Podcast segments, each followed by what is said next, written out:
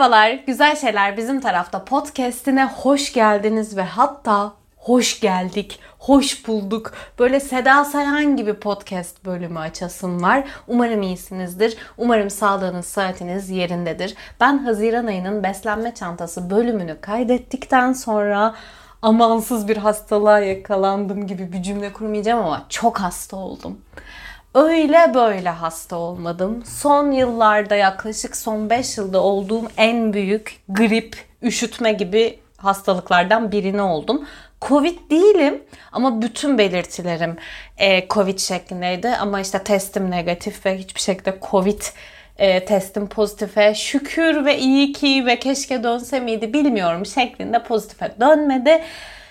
Dolayısıyla da korkunç bir sesim vardı. Ses kaydı attığım insanlardan bile Damla iyi misin falan gibi şeyler duydum. Ve tabii ki e, bu süreçte çalışmaya da devam ettiğim için gün içinde ateşim yükselip ateşim düştüğü, enerjim yükselip enerjim düştüğü için de bölüm kaydedemedim maalesef. Çok özledim podcast kaydetmeyi, burada konuşmayı çok özledim.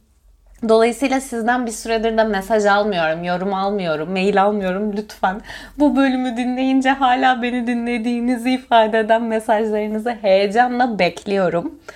Dedikten sonra Beni Instagram'da takip etmiyorsanız lütfen Damlaydi olarak arayarak bulabilirsiniz. Aşağıya da bölüm açıklamasına koyayım. Özellikle birine teşekkür edeceğim. Instagram e, linkimden bahsederek başlama sebebim şu. Instagram'da paylaşımımı görmüşsünüzdür belki. Beslenme çantası bölümleri artık görsel olarak bir tasarıma dönüştü ve o tasarımları ben highlight öne çıkan olarak paylaşıyorum ve buradaki bölümleri dinlerken kayıt altına alamıyorsanız, not alamıyorsanız oradan hepsini bir arada ulaşabileceksiniz. Bunu ben yapmıyorum. Bunu benim ilk podcast deneyimim olan Rana ile yaptığımız podcast'ten beri beni dinleyen ve ilk bence podcast dinleyicimiz olan Nur yapıyor. İsmini ısrarla tasarımın altına yazmadı. Kendisine buradan şükranlarımı, minnetimi, teşekkürümü iletmek istiyorum. Bana buradan insanlarla gerçekten duygusal bir bağ kurabildiğimi, birinin kalbine dokunabildiğimi hissettirdiği için çok teşekkür ederim.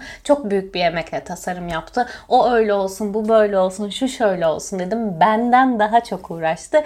Bundan sonra da her beslenme çantası bölümünde kendine teşekkür, kendisine teşekkür edeceğim ama öncelikle burada başlamak istedim.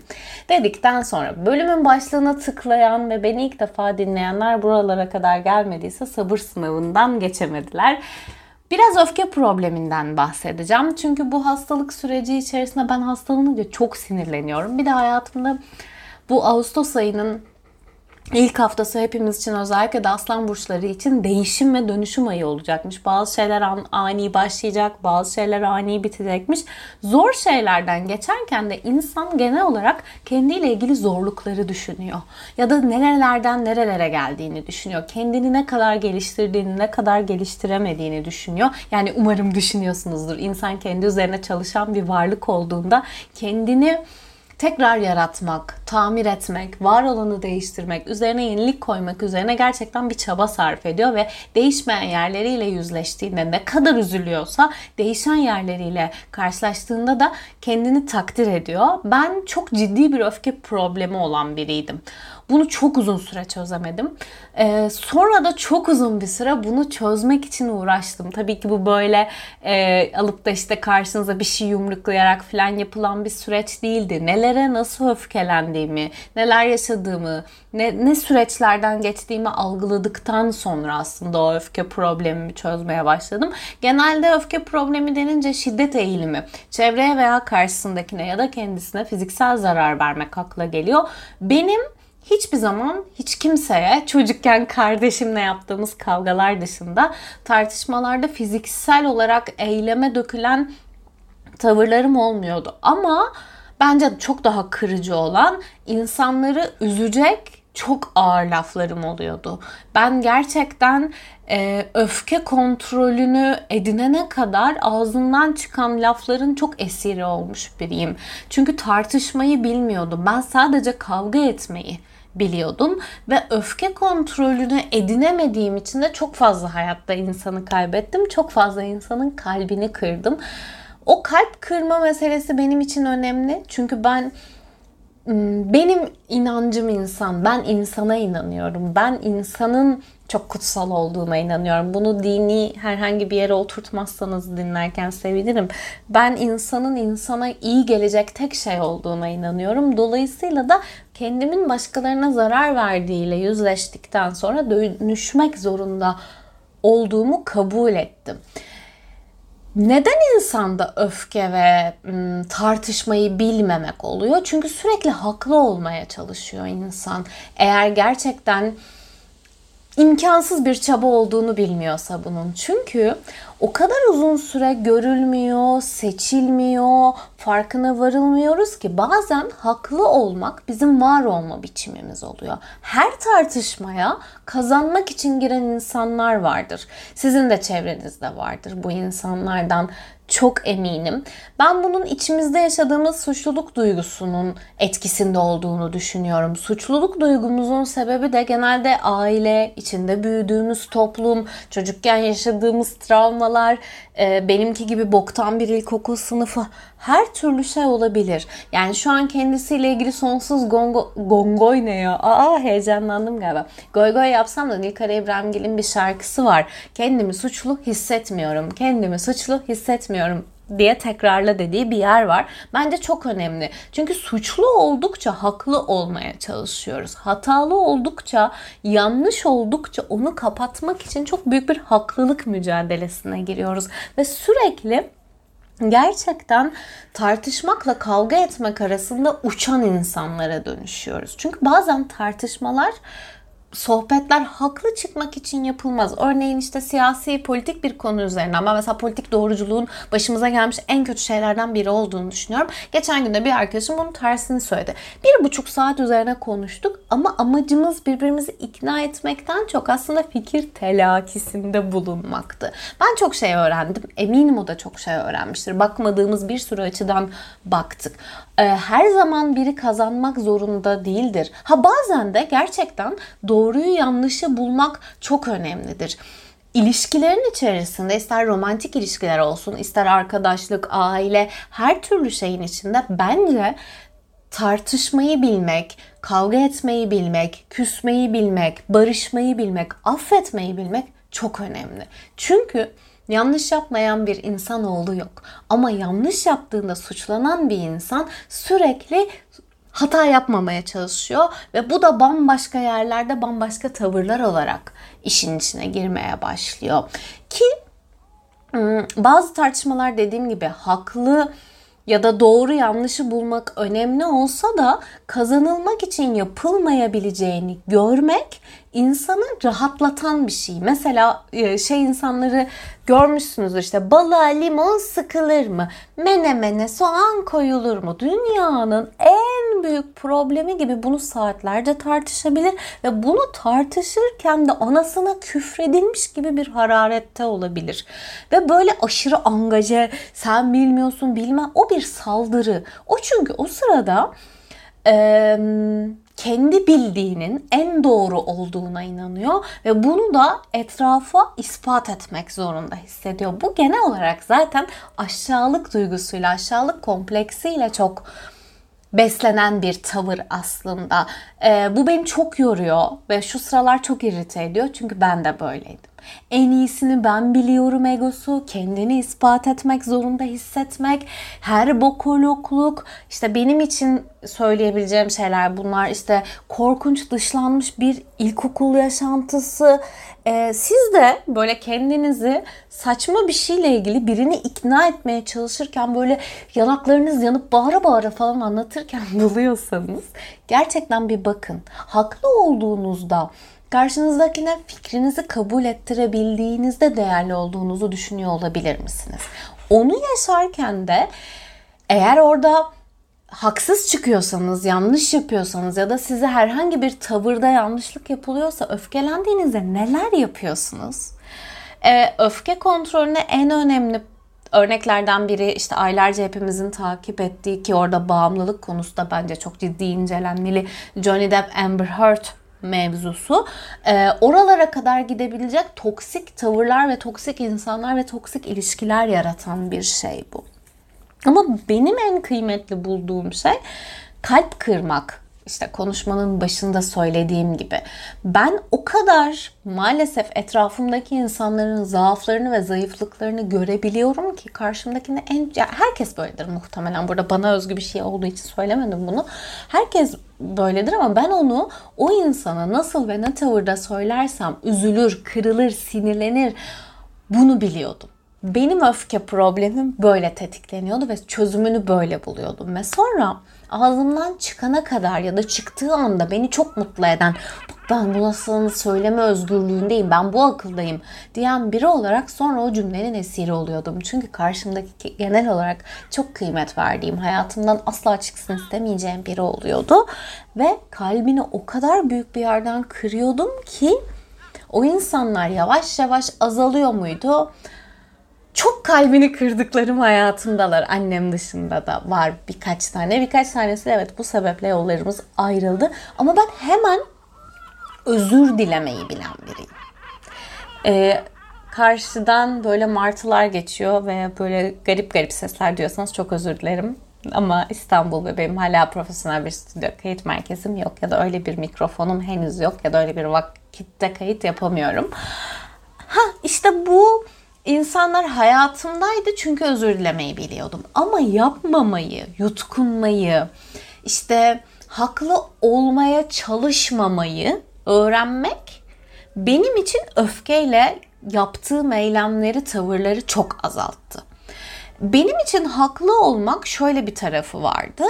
Ee, ben bunun sebebini bulmak zorunda hissettim kendimi. Ben niye sürekli haklı olmaya çalışıyorum her şeyin içerisinde? Haksız olduğumda niye bu kadar kırılıyor, üzülüyor ve kötü hissediyorum diye.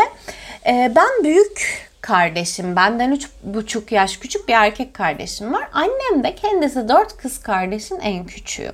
Sürekli onu sen küçüksün alttan almalısın. Onlar ablan, onlar doğrusunu bilir. Onlar öyle öyle falan yetiştirilmiş annemin anlatımıyla. Ya da annemin varoluşsal kişiliği böyleymiş. Bunu bilemiyorum. Ama annem bana çocukluğumda sürekli sen küçüksün alttan almalısın. İşte sen e, ay sen küçüksün diyorum. Sen büyüksün, alttan almalısın. Anlayışlı ol. Sen büyüksün, ona bak, dikkat et gibi bana bir sürü sorumluluk yükledi. Ben zaten bu yüzden korkunç bir sorumluluk duygusu olan biriyim ve hatta bu yüzden kendimi de önceliği almakta çok büyük problem yaşayan biriyim. Bir sürü bölümde söylediğim gibi başkasına sonsuz para harcayabilirken, vakit harcayabilirken kendime bu konuda çok cimriyim. Ki annemin bu tavrı aslında asla kötü bir niyet barındırmıyor. Ama bazen benim de çocuk olduğumu unutturan yerlere gitti. Mesela şöyle örnek vereyim. Benim kendi yaşıtım kuzenim var iki tane. Biri anne biri baba tarafından. Kardeşim de üç buçuk yaş şöyle bir yaş. Hem çok yakınsınız hem aranızda bir fark var. Yani mesela 7 ve üç buçuk oluyor. Şimdi üç buçuk yaşındaki çocukla 7 yaşındaki çocuğun beraber oynaması mümkün değil. O onu ancak eğleyebilir. Ben 7 yaşındayken 7 yaşındakilerle oynamak isterken ona bakması, onu da yanında götür, o da sizinle gelsin filan denen çocuktum ve ben bu yüzden bir gün askeri kampta kardeşimi bir yere bırakıp sonra kaybolmasına sebep oldum. Tabii ki bulundu ve sonra da bunun dayağını yedim. Halbuki orada çok ciddi görülmesi gereken bir şey var. Çocuğa başka bir çocuğa bakma sorumluluğu veriyorsunuz ve bu onun oyun oynamasına, onun alanına tecavüz ediyor. O da onu bir yere bırakıyor. Sen burada oyna ben seni gelip alacağım diyor. Benim yaptığımda hiç yanlış bir şey yok. Ama ben o kadar süre kendimi suçlu hissettim ki bunun üzerinden. Dolayısıyla da o suçluluk duygusu bende haklı olmak zorunluluğunu yarattı süreç içerisinde. Bunu annemi babamı suçlayarak bir yerden anlatmıyorum burada. Farkındalık olarak anlatıyorum. Nihan Kaya gibi iyi aile yoktur gibi bir yerden de e, söylemiyorum. Annemin de bildiğinin en iyisi buydu. Benim hayattaki sorumluluğum başıma gelen bu şeylere küfretmek yerine bunların sonuçlarından sebeplere, sebeplerden sonuçlara gidip hangisi sizin için o sırada daha yüzeydeyse onu görüp onu fark edip o ipin ucunu çekmek ve kendimi değiştirmek ve dönüştürmek. Ben bir süre sonra ergen ergenliğe girdiğimde kardeşime o kadar öfkeliydim ki. Yani ve hayatta en çok tutturduğum şey benim kardeşim olsun, benim kardeşim olsun da ki şu anda canımı verecek bir ilişkim var. Kendisindeki ilk yetişkin olarak çok sağlıklı ve doğru bir ilişkimiz olduğunu düşünüyorum. Hala yer yer abla kardeş kavgalarımız olsa da onun canını acıtacak her şeyi yaptım. Çünkü o bir süre sonra benim için hayattan benim e, keyif almamı engelleyen bir şey olarak bana kodlandı. Bu kuzenlerimde dahi vardı ki kuzenlerimden bir tanesi onu çok güzel döverdi. Ve onun sorumluluğu da bana atılırdı. O kardeşini döverken sen niye buna hiçbir şey yapmadın?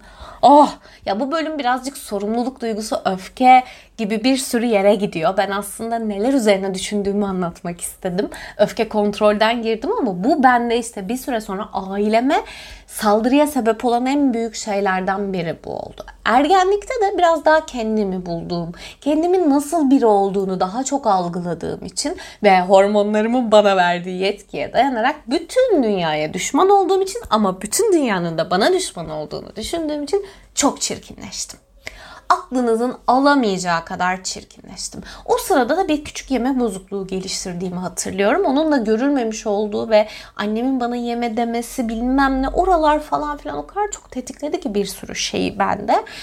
Bir lisede e, meşhur e, tarih öğretmenim bana e, kilo aldığımda mayalanmış açma gibi olmuşsun diyen e, çok sosyetik ve geri zekalı tarih öğretmenim kesin dinliyordur burayı ee, bir bir şey anlattı. Sen haklısın ben mutluyum diye tartışmayı bitirmekten bahsetti ve o gün benim için böyle havai fişekler patladı. Allah'ım annemle tartışırken haklı olmaya çalışıyorum ya da biriyle tartışırken evde haklı olmaya çalışacağım ve karşımdakinin sinirini bozmak için sen haklısın ben mutluyum diyeceğim. Baya böyle gömü bulmuş gibi gittim eve. Böyle herkesle tartışıyorum. O kişi de o sırada bana hararetle anlatıyor, anlatıyor, anlatıyor. Tamam tamam sen haklısın anneciğim ben mutluyum falan. Allah nasıl sinir bozucu bir tavır. Karşındakini böyle kitleyen bir şey. Ha mutluluğu seçme tarafıyla bu arada bu çok kilit bir cümle. Eğer biri sizi işte limon falan konusunda ikna etmeye çalışıyorsa sen haklısın ben mutluyum. Ya da biri sizi bir şey konusunda ikna etmeye çalışıyorsa farkındalığınızla bunu ona söylediğinizde ve mutluluğu seçtiğinizde çok güzel bir cümle. Ama ben çok toksik bir yerden kullanıyordum ve karşımdakini böyle sinir etme noktasında kullanıyordum. O yüzden de gerçekten çirkin birine dönüştüm. Bu sadece bana özgü değil eminim. Ergenlerin her biri bence dünyadaki en pislik insanlar. Ama dünya onlara pislik gibi davranan insanlar. Üzgünüm. Ergenliği bitirmek çok zor. Ama insan büyüyebilen, değişebilen, gelişebilen biri. Ama bu pat diye olmuyor. Ben 20'lerimin ilk yarısında da tartışmayı bilmiyordum. Çok yakın arkadaşlıklar geliştirdim ve o arkadaşlıklarımın içerisinde de genel olarak böyle ağza e, gelen ilk şeyi söylüyordum. İşte kavgalarım böyle özellikle kulakları çınlasın İrem diye bir arkadaşımla çok büyük kavgalar yapardık ki saçma sapan sebeplerden kavga ama onlar tartışma değil. Sebep bendim çünkü siktir gitti başlardım. Telefonlar kapanırdı, o olurdu, bu olurdu, küfürler, kıyametler. Bütün romantik ilişkilerim içerisinde de böyleydim. Sonra bunun bir iletişim yolu olmadığını öğrendim. Bun, çünkü pişman oluyordum. Sonra da karşımdakini toksik bir şekilde arayıp mesaj atıp özür dilerim ben seni çok seviyorum hatta seni kaybetmek istemiyorum falan diyen bir şeye dönüşüyordum ve dedim ki abi sürekli özür diliyorum birinden. Niye? Çünkü sürekli böyle bir tavrın içindeyim. Bu tavrı değiştirmek için ne yapabilirim? beni ne tetikliyor? Bir, kendimle işte geçmişimdeki o ilkokuldaki annemle, kardeşimle olan şeyleri fark ettikten sonra sakince ama karşımdakini kudurtma sakinliğinden de bahsetmiyorum. Beklemeyi öğrendim. O duyguyu niye hissettiğimi, nasıl hissettiğimi, o duygunun içerisinden nasıl çıkabileceğimle ilgili çalışmaya başladıkça öfkelendiğim anlarda yutkunmayı öğrendim kendimi değiştirmeye karar verdim ve zaten değişim de böyle başlıyor. Kendimi sevmedim ben. Kendimin o versiyonunu o kadar sevmedim ki kendimi değiştirmekten başka çarem kalmadı. Çünkü kendimi sevmek zorunda olduğumu biliyorum. Kendini sevmediğinde insanın kendine ne kadar zarar verebileceğini bir yıl içinde 60 kilodan 100 küsür kiloya çıkan biri olarak kendini literally yiyen iki katına çıkan biri olarak çok iyi biliyorum. O yüzden yutkunmayı dediğim gibi barışmak için beklemeyi çünkü bazen sadece öfke kontrolünden hatalar yapmıyorsunuz. Ben geçen gün mesela çok yanlış bir şey yaptım ve birinin kalbini kırdım. Özür dilemek için sakince beklemeyi, kendimi ifade etmeyi ama onun alanına girmeden orada durabilmeyi de gördüm ve onu da kendime öğretmek zorunda kaldım. Dolayısıyla da kendimin o tartışma sürecindeki halini gördükten sonra ve bunun aslında o sırada o kişiyle yaşadığım anlamlı ya da anlamsız bir tartışmadan dolayı değil, benim kalbimin başka yerlerde kırılmış olmasından sebep olduğunu gördükten sonra ve aslında birinin herhangi bir fikrini, bir bakış açısını değiştirmek için ona kuracağım baskının sebep olmayacağını anladığımda ikna etmek üzerinden tartışmamaya başladım. Bu benim öfke kontrolümü çok azalttı. Çok kontrol altına almama sebep oldu. Öyle söyleyeyim. Öfkemi kontrol altına alabildim. Bir diğeri de sürekli dünya bana saldırıyormuş ve insanlar beni kırmak zorundaymış, beni üzüyormuş, başıma sürekli bir şeyler geliyormuş. Kurban psikolojisinden çıkmam buna çok fayda sağladı gerçekten. Dolayısıyla da karşımdakinin yaptığı şeyin onunla ilgili olduğunu algıladıktan sonra da daha sakince kendimi ifade etmeye başladım. Ki ben çevremdeki bütün arkadaşlarım tarafından duygularını en çok ifade eden insan olarak bilinirim. Yani arkadaşlarıma sen bu arkadaşlık ilişkisinin içerisinde görüşmek, vakit geçirmek için süre ayırmıyorsun. İşte ne bileyim mesajıma cevap vermiyorsun, bunu yapmıyorsun ya da bana kendimi böyle hissettiriyorsun ve ben seni hayatımda istemiyorum diyecek ve bunu konuşacak ya da böyle davrandığın sürece böyle olacak diyecek kadar açığımdır. Mesela hep söylenir işte sen benim arkamdan konuşmuyorsundur. Çünkü ben iyi ya da kötü herkesin arkasından söylediğim şeyi o kişinin yüzüne söylerim ki bu bazen işte bu da benim karşımdakilerden intikam almama e, sebep olan şey oldu. Bazıları buna duygusal empatlıktan sebep olduğunu söylüyor. Bazıları bunun zekadan, bazı terapist arkadaşlarım özellikle bunun e, iyi insan analizi yapabilmemden sebep olduğunu söylüyor. Ben karşımdakini neyi nasıl ve ne şekilde tetikleneceğini maalesef iyi biliyorum. Bu beni iyi bir manipülatör yapıyor. Ama beni iyi bir insan yapan bunu artık kullanmamayı seçmiş olmak. Zaman zaman kullanmıyor muyum? Tabii ki kullanıyorum. Ee, ama bundan çıkmayı öğrenmek çok büyük bir mücadeleydi. Ee, şu sıralarda mesela birinden özür diledim ve o iletişimi hafifçe bıraktım Hatamı da gördüm. Hatamı kabul ettim. Ya da biri bana bir şey yaptığında ona o hatanın karşılığında bir şey yapmak için saldırıya geçmemeyi de öğrendim. Ha bu birazcık da tabii ki yaşın büyümesiyle birlikte insanların hayatınızdan gelir gider olduğunu, daha az insanın hayatınızda kalacağını kabul ettiğinizin cümle çok düşük oldu. Gerçekliği ama benim çok uzun süredir devam eden arkadaşlıklarım varsa dürüstlüğümden sebep. Ama en önemlisi yıllarca bu dürüstlüğün yanında hep söylediğim gibi bir dallamalık devam ediyordu. Bunu törpülememle alakalı. Ve bir de e, mesela hala zaman zaman kardeşime, anneme, babama o kadar çok öfke kustuğum yerleri hatırlıyorum ve vicdan azabı çekiyorum ki yeni vicdan azapları yaratmamaya çalışıyorum. Ama adınız çıkacağına canınız çıksın. Ee, bundan birkaç ay önce annemle yaşadığım bir olayı anlatmak istiyorum. Ben Antalya'daydım ve bu cümleyi çok sık duyuyorsunuz. Hangi gidişim gerçekten hatırlamıyorum. Bir konuda babamla tartıştık ama gerçekten yani böyle benim hiç sesim yükselmedi, tavrım değişmedi. Fikirle ilgili saçma bir şey yaptı babam, bir eylemde bulundu. Ee, ve ondan sonra ben de bunu söylediğimde babam bir anda bağırmaya başladı. Babam bağırdı falan filan. Ee, ve Babam çıktıktan sonra annem bana işte e, ertesi günü sanıyorum babamla konuşmuyorduk. Dedi ki bana e, git babandan özür dile çünkü sen bağırdın. Dedim ki hayır ben bağırmadım. Gerçekten ben bağırmadım ona hiçbir şekilde.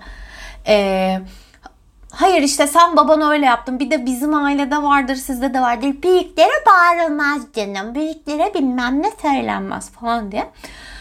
Allah Allah hiçbir şey söylemedim. Kötü ağzımdan hiçbir şey çıkmadı. Evet onun olmadığı yerde çok kötü şeyler söyledim içimden ve sesli şekilde ama babamın olduğu bir yerde hani tırnak içinde eli büyütmemek için hiçbir şey söylemedim. Ama annem diyor ki bana ısrarla hayır sen bunu yaptın.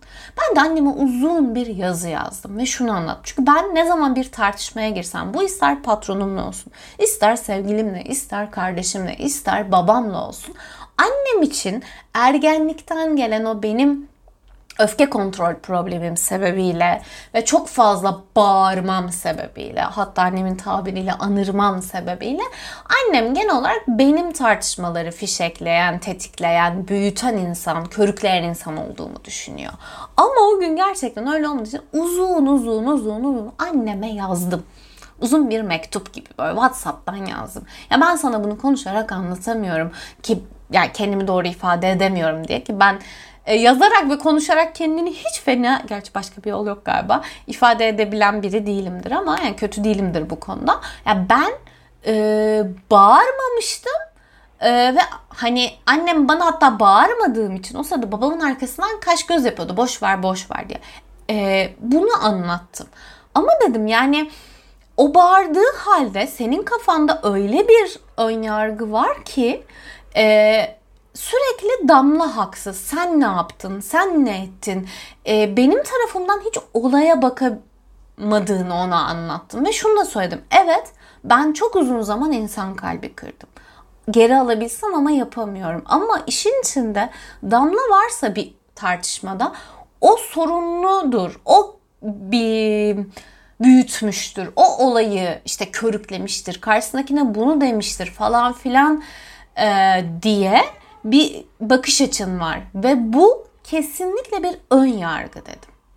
E, ama beni objektif değerlendirmesini isteyen e, ve sadece bir soru sorulduğunda bile karşı ve bu arada gerçekten tetikleyici hiçbir şey yapmamıştım. Yapsaydım bu, bu kadar rahat kendimi ifade edemezdim muhtemelen. Ve ona şunu anlattım. Anlaşılmaya, görülmeye ihtiyacım var ve haklı olduğum yerde de haklı olduğumun ifade edilmesine ihtiyacım var. Ki annem beni bu dünyada en çok seven insan.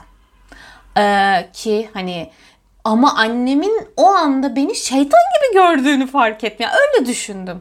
Ve bu hissimi de ona çok doğru cümlelerle, onu suçlamadan ben böyle hissediyorum diye anlattığımda karşımdakinin bunu algıladığını gördüm. Ki hala bu haftaki e, işte özür dilediğim ve hatalı olduğum olayda bile e, erkek arkadaşıma şey dedim yani ben hata yaptığım kişiden değil annemden korkuyorum. Çünkü annem bana kendimi hayatta en çok suçlu hissettirecek, tavrı gösterebilecek bir kişi. Çünkü Aslan Burcu ve o da benim gibi davranıyor. Ama en önemlisi annemin ön yargılı bakması bana. Ee, işte onu yapma, böyle yap, şöyle yap falan filan. Her ne olursa olsun e, insanın kendinin değiştiğini kendine gösterdiği kadar etrafa da göstermesi gerekiyor biliyormuş. Yani ben yıllarca emek verdim, kendimi değiştirdim ama benim değişmem yetmedi. Önceden de e, benim o halimle tanış olan insanlara bakın değiştim, bakın değiştim demek zorunda kaldı bazılarına. Bazıları da zaten kendileri bunun farkına vardı. İşte o yüzden adınız çıkacağınıza, çıkacağına canınız çıksın gerçekten. Ha ama ee, çok kalbiniz kırılıyorsa, çok yoruluyorsanız, işte ne bileyim çok kalp kırıklığı çok büyük öfke doğuran bir şey. Etrafınızdaki insanlara öfke kusarken kendinizi bulup sonra pişmanlık yaşıyorsanız, o duygunun içerisinde de kendinizi sevmiyorsanız, çünkü bence insan her duygunun içerisinde kendini sevmiyor. Bazen olumlu görülen duyguların içinde de kendimizi sevmiyoruz. O da had ve hak görmekle alakalı sanıyorum genel olarak. Ee, mutlaka neden ve nasıl ile uğraşın. Nelerin değişebileceğiyle ilgili, sizin neleri değiştirebileceğinizle ilgili uğraşın. Bu bölüm çok fazla annemi suçladığım gibi görünse de ben annemi suçlu olarak görmüyorum. Ben o sırada onu sahiplendim. Ben o sırada onu yaşadım. Ben o sırada onu bir travma olarak kaydettim. Bu beni de suçlu yapmaz. Kimse suçluydu. Suçlu değildi. Kimse suçluydu. Aynı ki tuhaf bir cümle oldu. Kimse suçlu değildi ve herkes suçluydu. Dolayısıyla da herkes bildiğinin en iyisini yapıyordu. Benim yapabileceğim tek şey kendimi değiştirmek, kendimi geliştirmek. Daha fazlasına gücüm yetmiyor.